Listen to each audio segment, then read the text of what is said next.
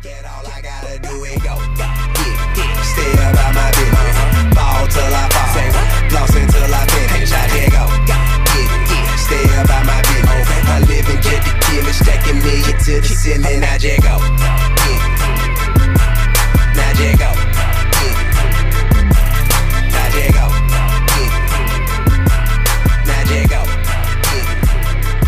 Thank you for joining SOBEO Rants, a platform for local Oakland leaders to have the space to rant about whatever's on their mind as they pursue ways to improve life for black folks here in the town.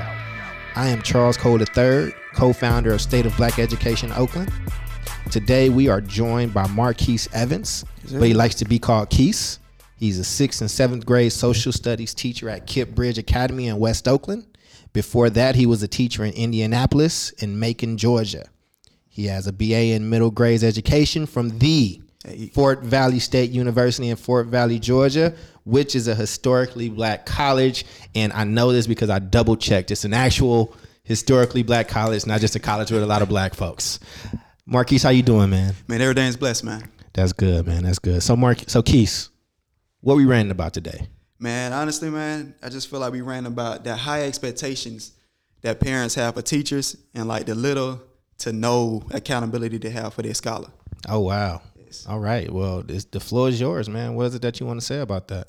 Man, honestly, I just feel like the high expectations that a parent has for a teacher, I think it should meet it should match the commitment they have as a parent. Like, um, a lot of times they say, Hey, we need black men in education. We need more black people who can relate to these kids. But when you get them at the school, you got that teacher that's holding that kid accountable, but then the parent get mad because they feel like you're giving that kid that tough love. They feel as though as you're picking on them or whatever. So just needing that more support from the parent.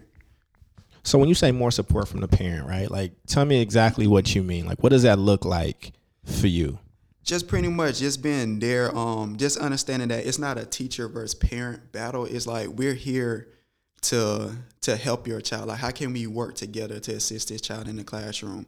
Um, for as as just communication, responding. We have parents, um, pretty much.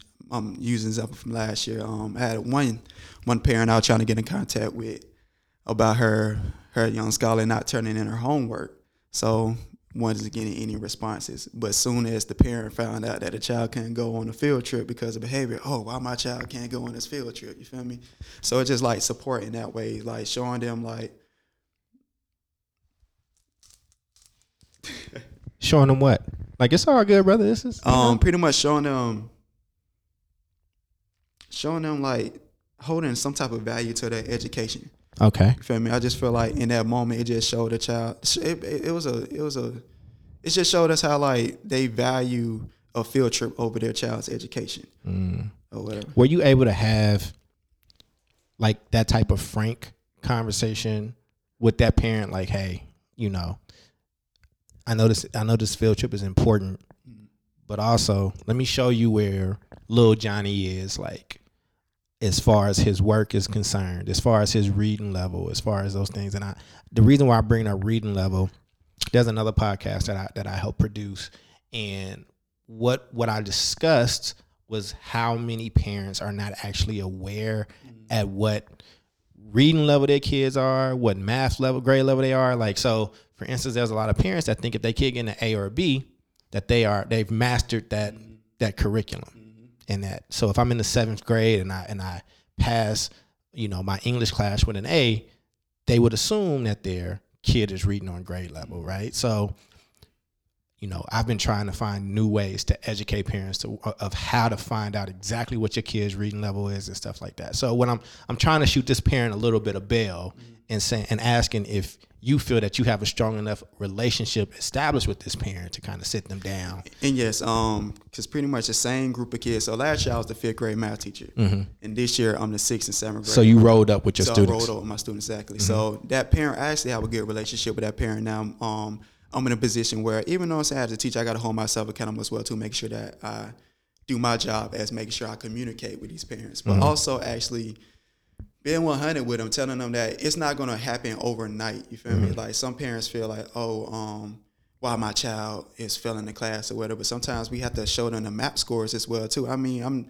I don't necessarily think that test scores predict everything, but they tell a lot though. So it's like if you have a scholar who is in the red on a on a reading assessment, um, nine times out of ten they're not going to be performing at their best in that class as well too. So it's just like making sure that you communicate that to that parent and not necessarily just um just not putting them with the negatives, but also like making sure that you show them like these are the steps that we're gonna um that we're gonna that we're gonna do to make sure that your child is growing and show them the growth process as well too, and let them know that it's not gonna happen overnight. Right, right, right. So let's also step back a little bit too. I want, you know, this is also an opportunity for this audience to get a chance to meet you. So, you know, spoiler alert, right? Uh, Keith actually works well with me it, as far as energy converters is concerned. He's been an amazing help in just having black male educators in the room motivating our young people. It just goes a long way with energy converters, man. So one, I want to thank you for that. Like that means a lot to me. And then secondly, Keith is not doing himself justice.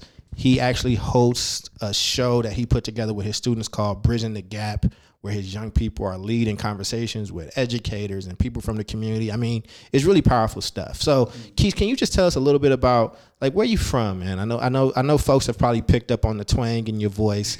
Um, you know, as somebody who used to live in both Chicago and Kentucky, I, I, I can attest to coming here with a thick accent. So, tell tell the people where you from, man. Let's learn a little bit more about you before we dive deeper into this. Where were you? Yes, Where, you- sir. where you born? I'm from uh, um well I was actually born in Frankfurt, Germany. My father was in the military, but Okay. um after my folks split up. Were you Were you born on a on a U.S. like base? Oh yeah, I'm a U.S. citizen now. I'm good. Oh no, I was just, no, no. I was just asking. Well, a lot of people don't know that, right? A lot of people Yeah. don't know because I, I come from a military family. So my father is Marine, my uncle's a Marine, and so a lot of folks yeah.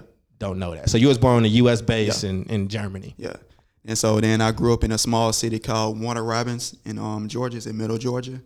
But basically, um, throughout growing up, I struggled in math. And um, and I ended up being a math teacher. But what actually caught me on to the subject was my eighth grade math teacher, Mr. Ford.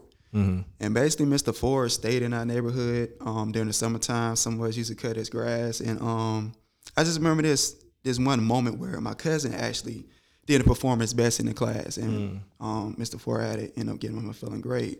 But any teacher give you an F, but Mr. Ford took it upon himself to actually go to his house and break it break it down to him. This is the reason why I had to give you the F. This is what you need to do for future wise to bring it up. And so after just having that bonding with Mr. Ford, um, that just having that flashback, that's what made, made I created the idea of bridging the gap. Cause it's like I just wanted to teach the students to understand that yo, yes, we are your teachers, but we're human as well too, and like it- we actually care about y'all. And usually those teachers, the the ones that um are holding you accountable, the ones that are contacting your parents, holding you in for after school detention, holding you in for this. It's not just a punishment. It just like we love you because at the end of the day, when we're holding you in for detention, like that's that's taking our break away too as well. So with bridging the gap, I like to show kids that um not only are we teachers, we're humans, but we also we're connected with people on the outside as well too, bringing in the community for us different influencers that did actually go to college that um that are entrepreneurs or who just who just took different routes or whatever just to be successful. And also just to bring it back to them just show them that um even though we had these social media influencers there's it's a lot of negative stuff on social media but I just want to bring in a positive social media influencers come talk to the kids and talk about their middle school experiences and what are the steps they took to get to the careers that they're in right now because um everybody think that at a certain age you're supposed to already know what you're supposed to do in life. But sometimes some people go to college just to figure out what they want to do. Right. And some people don't take the college route. But at the same time, it's like they self educate themselves to get in the position that they are. So it's just like I like to put the kids in an environment where they get to have these people that come talking to them. Right, right. And so, you know, I, I'm looking at you as a as a as a black educator and you know, you work with a good friend of mine, Mr. Bay, who's also a black male educator. Yeah, Mr. B. And just so I mean, so what does it mean for you to be a black male educator, edu- working with mostly black kids? Um, I really feel like it's very powerful. Um, just as a black man, there's a lot of things, a lot of negative things that are against us, Mm-hmm. and just to, um, I always go by that zero excuses model. Mm-hmm. Like you can't make any excuse like, yo, I didn't achieve this because of X, Y, and Z. Like it's just the fact that they're actually seeing someone who came from the same background that Mm-hmm. they came from and kind of was that that rose in the concrete that rose up. But at the same time, it's like we didn't just forget about where we came from, just make sure that we look back and bring that lift the hand up to help them get to where they need to be at as well too and kind of relate more to them because growing up in Georgia, I'm gonna be honest, like we still deal with a lot of racism out there. Right. And so um, going back to Mr. Ford, Mr. Ford, that was like honestly, Mr. Ford was the first black teacher that I had. And growing up, I had a lot of teachers who I really couldn't relate to. And so um, just by having that power, that powerful black figure in the education system is definitely needed. But at the same time, it's just like we still gotta have that same relationship with the parents to support that as well too, and not burn that teacher out. Right. Absolutely, man. I, and and you know we're gonna get back to your rant. I, I, I just wanted to learn a little bit more about you because I've been in your classroom. I've sat in it, and I I enjoy myself. Like you got a good rhythm. Like it's a your, your teaching style has like a a, a, a hip hop cadence to it. Like things are kind of moving on a beat. They're moving on a rhythm. Like I think I think your students like appreciate it. Yeah. I know they respect you because when you left out the room for a second, like versus when you walked right back in, right? Like they straighten right back up. I think that um, you know, and I see that you wearing a Black Panther pin and just a little history about the campus that you're working on. So you know I went to that campus, Mm-hmm. Oh, yeah, right? yeah. So I graduated from that campus. Uh, I went to fifth and sixth grade there. It was Lafayette Elementary School at the time. Wasn't a great school. And you know who else graduated from that school, that campus? Huey. Huey, yeah, Huey Newton, right? And so, you know, it's interesting in Huey Newton's book. I think I showed you this. He starts his book like one of the greatest revolutionaries that the world has ever seen that lived in our town, that went to school in the building that you now work in, started his book that people all over the world read, talking about how during his time in Oakland Public Schools, he didn't have one teacher that like was good for him. That's how his book starts, right? And so, you know, right now, you work in a charter school. We're not gonna run from these these issues. There to yesterday there was an action in Sacramento, and there's a, a a bunch of bills that they're trying to push through, basically to limit the power of charter schools, to limit their ability to appeal. Um, I mean, it's really kind of going after charters, right? And so, I just want, from your perspective, as somebody who chose to work there, who's focused on quality, I've seen you focus on quality, and, and who's really, you know, pushing your black students. Like, how do you feel about the political environment around education right now?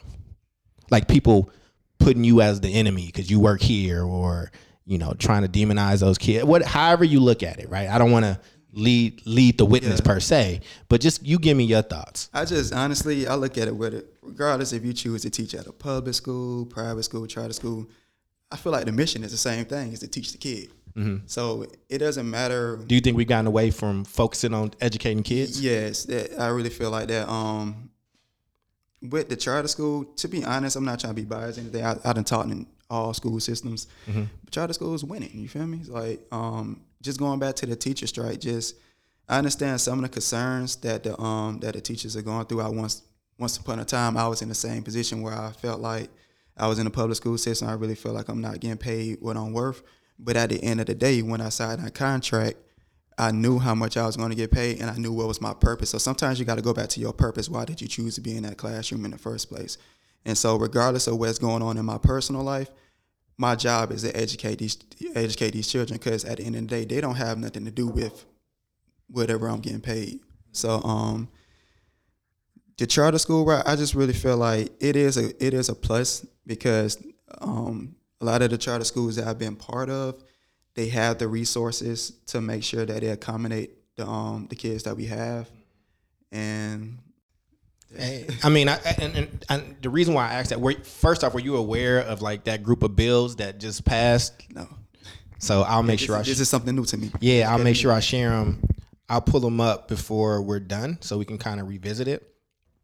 But I mean, it's an assault on folks that teach there, right? And and I think that you know, the person that we just named, I know a lot of teachers that, black teachers especially that taught in the district that then got pink slips from the district or got pushed out that now teach in those schools. Um, So I think it's interesting, and I think that we don't hear enough from black teachers that teach in that system that give their perspective on it. And and, and the only reason I'm really even pushing that is because I've seen you teach. Like it's almost like poetry in motion. Like I'm not even trying to gas you. Like I've, I I really enjoyed myself in that class. Like you appreciate that. You maximize uh, instructional minutes. Mm. Um, you give young people responsibility in that classroom. You hold them accountable, and just as somebody who's had to lead a system or a position where I was surrounded by people that don't look like our kids and watching them lower expectations for black kids, I know how that bothered me. Is that something that you have ever experienced? And you don't have to call names. And I would just say this just in case somebody from your job is listening. This don't necessarily mean that he worked with you now, but Yeah. I mean, but I saw your face change when I asked that question. So can you can you rant on that for me just for a second? Tell tell me what that feels like for you and how you've seen it. Yeah, they label our kids at a young age. You got to put the mic up, brother. Oh, the, the people got to hear you. they label our kids at a young age, and um, I just really feel like they lower our expectations for them. And for example, I had a young man in my class last year. Um, he didn't understand that doing his homework, he had to complete the whole thing because he was just used to his teacher saying, "Oh, you did the assignment. No, you need to do it the right way." So it's just like I'm trying to push them. Like I try to push them, push them, push them. Sometimes they may think I'm, I'm, I'm mean, but at the same time, it's like I'll take that L. But it's like I don't tolerate the excuses, and um, I'm just gonna use the example. Like for example, I don't blame the kid in any situation because at the end of the day, you gotta put yourself back in your middle school experience. Mm-hmm. Of course, going to class was boring. Everybody knew which teacher class you was gonna go to and turn up in. Everybody knew which teacher class you was gonna go to and pay attention. And so you knew how to play the system. Mm-hmm. And so Absolutely. I If you- knew what teachers I could fool around with. if you feel like you can get away with it, you're going to continue on and do it. But when you got those people that's going to hold you accountable for it, especially for the people who who know who who have lived that lifestyle, who is telling you, no, the, this child is playing you, like they, they're good. You feel me? And I just really feel like, um, even when it comes to some IEPs, I really feel like there are some kids. I really feel like the IEP is a crutch to them. For example, like if I could walk, why would I wear crutches? Like, why would I walk around with crutches? So, yes, the I, I I dig the IEP system. It yes, it's helping some kids, but I really feel like there are some kids that really don't need. it. I really feel like it's it's is is giving them plenty of excuses. Like for example, I have a young man. Um, anytime he take an assignment, oh, I need to go see such and such to take this assignment. So I had him at after school one time, and I just had him doing it himself. He was doing it. He was doing his thing on it. But it's just the fact about I sat there and allowed him to show me what he can do first before I just put a label on him and say, Right. hey, yo, he can't do this. You feel me? So it's like, and just look at it in a, in a job force wise. I just can't go out and say, hey, um, I I can't do the job because I struggle with X, Y, and Z. It's like, no, they're gonna get rid of you. So it's like I like to prepare my kids for the future because I know, yes, there are some kids that that need it, but I feel like we shouldn't we shouldn't hold some of our scholars back based off of just putting a label on them. Got you. So I found these bills. Mm-hmm. So I'm gonna tell them to you really quick, okay? And then I'll send it to you just so you can have them. Yes, sir. So the first bill, AB 1505 by O'Donnell, would eliminate due process rights for teachers, families, and charter operators to appeal local denials of new, renewing, or revoking charter schools to the county and state board of education. AB 1505 would also delete academic performance as the most important factor for renewal and revocation of existing schools. That's that one. Bill AB 1506 by McCarthy, by McCarty, I'm sorry, imposes a cap on the opening of new charter schools at the existing level of approximately 1,323 schools and only allows new charters to open when an existing charter school closes. AB 1507 by Smith removes the right of charter schools to locate their facility outside their authorizing district under very limited circumstances. And finally, AB 1508 by Bonta would allow a district to deny a charter petition or renewal based on a district's subjective interpretation of the charter school's financial, academic, or facilities impact on the school district. So this is a package of bills that went in front of the folks in uh, in, in Sacramento yesterday that's getting pushed forward, and and basically, um, I mean, it seeks to limit the power to expand to you know to kind of survive for charter schools and you know teachers like you, and also there's a bill in California to uh, basically not allow Teach for America teachers or alt certified teachers to be able to teach here in the state in in like basically in lower economic schools. So like if they got like a high uh, free reduced lunch rate. So folk They, they can't teach there. they was you got to talk to the mic. They, you saying they can't teach there? It would they would not yeah they they're trying to make it so those teachers with alt certs from those type of programs won't be able to teach. Um, yeah, like it, it's it's kind of targeting teachers. Isn't there already a shortage of teachers out here? there is a huge shortage of teachers.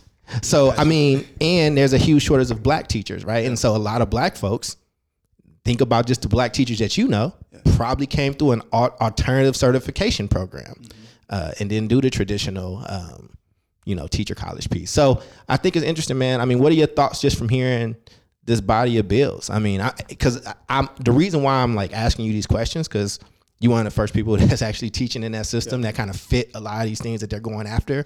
And I see how dope you are in your classroom. And we just haven't been hearing from you. You not your voice isn't like represented in a national lexicon of like this issue. So I want to know All what you this think. This stuff is something new to me. I need to educate myself on it. Like, like yeah, I just I just learned about it not that long ago myself. gotcha. I mean, So initial reactions, that's what the podcast is good for. I mean, like my my first reaction is like you're trying to deny teachers to teach in the school system, which we already have a shortage of teachers. So Yeah, yeah. Well, I, I th- what I think is I think that they need. I think this movement needs more folks like you that's actually putting their head down, doing this work, working mm. in our schools, working with our kids, working with our families to have a, lou- a, lou- a louder platform mm-hmm. and being able to talk about why it's important that you know that those things kind of don't pass, right? Like, like I think it's a political war, and I think black folks and brown folks are going to be caught in the crossfire yeah, from two powerful sides. But let's talk back about parents now. So, I mean, we can come back and talk about that some more. mind blowing. I, yeah, I just, I just, and, and that's the other thing, all right. Because I wasn't sure, like, all this stuff is happening behind the scenes, and it kind of happened in a secluded way where a lot of folks, a lot of families, a lot of teachers, like, don't know mm. That th- that this type of attack is coming. Like they, it yesterday it went down. I can't even speak on it. Like I don't even. This is my first time getting this news. Well, I'll send it to you, man. And and so now, you know, now that you got that information, I do want to end uh, back at this piece around parents and building relationships with parents, you know, and parents building relationships with you. I just did a piece on a different thing that I produced, and it was basically black parents you on your own. That was the that's it's you on your own. Like, you know, and I, and the reason why I say that is because like my mother, you know, my mother was a drug addict in and out of jail when I was at Lafayette, when I was at that campus. And my mother deferred to the school a lot because she didn't have expertise in education. Her thing is if I get them fed and I get them dressed, Yeah. I send them to you. Yeah. That's your job. Mm-hmm. I'm trying to survive over here. Like my mother was trying to get clean. And every time the school called her, it was about something bad that I did. So it's like a That's referendum on her posi- yeah. That's where the positive pho- phone calls. That's on the teacher part because I sometimes we catch ourselves. I caught myself in as well too. Mm-hmm. It's like I'm only contacted the parent when they did something bad, but then also I challenged myself. I started doing it last year. I challenged myself where if I had to call, uh, um, if I had to call someone for something negative, Mm-hmm. I got to make sure I call another parent for something positive that Right. another scholar did positive. And then also, if I called that that the parent for the negative one, at least by at least a week or so, I need to at least fill them in, send Mm-hmm. them something positive. But anytime you, you do have a negative phone call, it's always good to start off with the positive Right, first, right. and then go into it. So you, you're not coming out because every first of all, every parent's gonna ride for their child. right. So they are already on edge when they get that phone call in the Mm-hmm. first place. So you always you, you have to be a salesman. Honestly, you got to start out with something positive and then ease your way into the negative Right. and on and with leaving the emotion out of it. Um, how can we work together Mm-hmm. to get this child on the right track? But the problem comes in when you had a parent that don't hold the kid accountable at all, or they're struggling at home to even raise the child, the child, and they don't know what to do. Now, those are the parents that are tough because that's not my child. So it's it's only certain things that I can do to discipline this child. I could hold Right. him. I could hold him in for five minutes for recess. I could hold him in after school, have a restorative conversation. But at the end of the day, they still got to go home to that parent, and that parent has to basically discipline them or find some type of consequence for that action that they did in school. Right, right. So one of the things I wrote a piece. I, I, I keep referring. To, I, I wrote a lot of stuff before, man. I need to start writing again. But but I wrote a piece for Ebony. Well, that got picked up by Ebony, and it was the five questions that Black parents should ask their teachers, right? And one of those was, "What's my child's reading level?" Yes. Like to actually know what that is.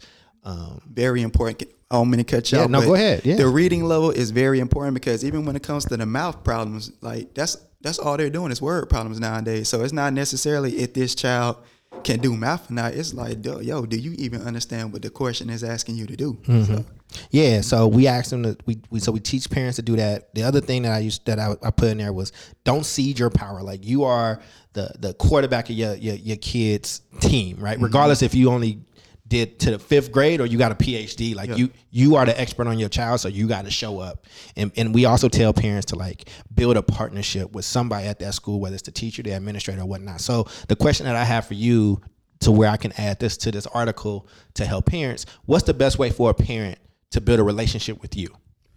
um, hon- honestly, just communication is key, and just always coming in with a positive mindset. Just knowing that it's not the teacher versus um versus the versus the um parent. Because I'm just go back to even my father. Um, like my father was one of the ones like it was some homework he could help me with, and there was some homework like, bro, I don't know this, so let's go to your cousin's house to figure this out. Or, but the thing about it was, if he don't know, I I, I need to know it. You feel me? So like he's gonna hold me accountable. So building that relationship, he, all my all my teachers had his number. They had feel free to call him anytime. Back then, we didn't really have text messages like that. Right, right, right. So he called the house phone. But um, just communication is key, and um, just any type of parent event, make sure that you're present. Because honestly, the parent's voice is very powerful, and just even when it comes to like the um, like the parent parent groups, like to talk about different issues at the school, and they coming together. You only have like probably about about 80 plus kids in the sixth grade. You only see probably like the same parents, the same probably 12 parents for every parent event. And it's all these kids that go here. So just parents being active at the school and actually meeting your teachers. Like, Right. yo, who who is teaching my kid? Like Right. some some teachers, I mean, some parents I have have yet to meet them. They don't come to the school. And then also I say that um we need to have a lot of translators at the school as well too. Because a lot of the parents they do not come to the school because they're struggling with speaking English as well. So those are the parents where I feel like it's very tough communicating with them because it's a struggle to communicate and also we have to actually bring in another student to translate and whatever we say may not come off mm-hmm. when they translate. So Right. And the, I, I appreciate that, man. I'll make sure to update some stuff and put that information that you gave in there. The last thing that I would say that we we talked about a bunch of things, but the last thing I think that's really important for this purpose of, the, of, of this conversation is that two things. One, we asked them to ask the teacher what their discipline policy is, uh, just to make sure that because we know black and brown boys, well, actually, black kids of color in general uh, tend to get a fair having a fair discipline policy. Right. Yes. Right, right. So so I think that knowing that is important. And then two, the other thing that we asked them, like we want to make sure that teachers are seeing the good in their children. So we'll say something like like what brings my son joy or like what is my son passionate about, right? Like because if we can connect on that, like you've built a bond with me. Like, okay, me actually me and you are team now. Even going to basketball games, Right. whatever game they have, going to their extracurricular activities, all of that. So uh, you've been great, man. Here's what I'll offer, and you're the first person I've actually offered something for in these interviews. Um, what I'll offer is if there's a group of teachers that want to have a phone party. What a phone party is is where we order food, some drinks, and we just call parents at random and just tell them good stuff about their kids to like strengthen that relationship. I'll I'll kick in on that food. I'll I'll provide the food, Hey, appreciate and uh, because I think that having these relationships is really important, and and I also think that a lot of stuff is about to come down the pike that your charter parents have no idea is coming, like none. Mm-hmm. And so, if that's something that y'all want to take me up on, I'll leave that to you, and I'll leave it in oh, your yeah, on hands. Yeah, we gonna connect on that. And so, uh, you know, not to exceed a hundred dollars, but uh, but are there any parting things that you want to say? man. You said what? Are any parting comments that you have before we end this podcast? Honestly, I appreciate this opportunity. Of I need you to hold the Oh microphone. yes, sir. um, I appreciate this opportunity of being on here, and um, yeah, just honestly, just that's that's basically my uh, what was on my mind, and just building that relationship with a teacher and a parent, because I'm just seeing the change through the generations from like my parents. My parents were the ones who was holding us accountable.